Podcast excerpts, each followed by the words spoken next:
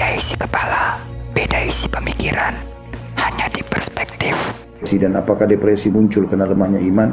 Iya, ya karena lemahnya iman.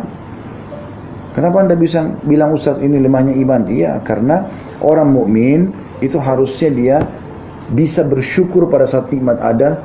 Oh Alhamdulillah makanan enak, minuman enak, biologis halal enak segala macam dia dia syukuri dan dia juga sebagaimana dia nikmati itu dia juga harus bisa bersabar pada saat cobaan datang.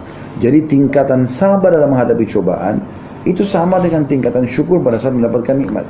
Ini harus berimbang, nggak bisa tidak. Dan pasti ya di setiap kehidupan kita akan ada suka dukanya.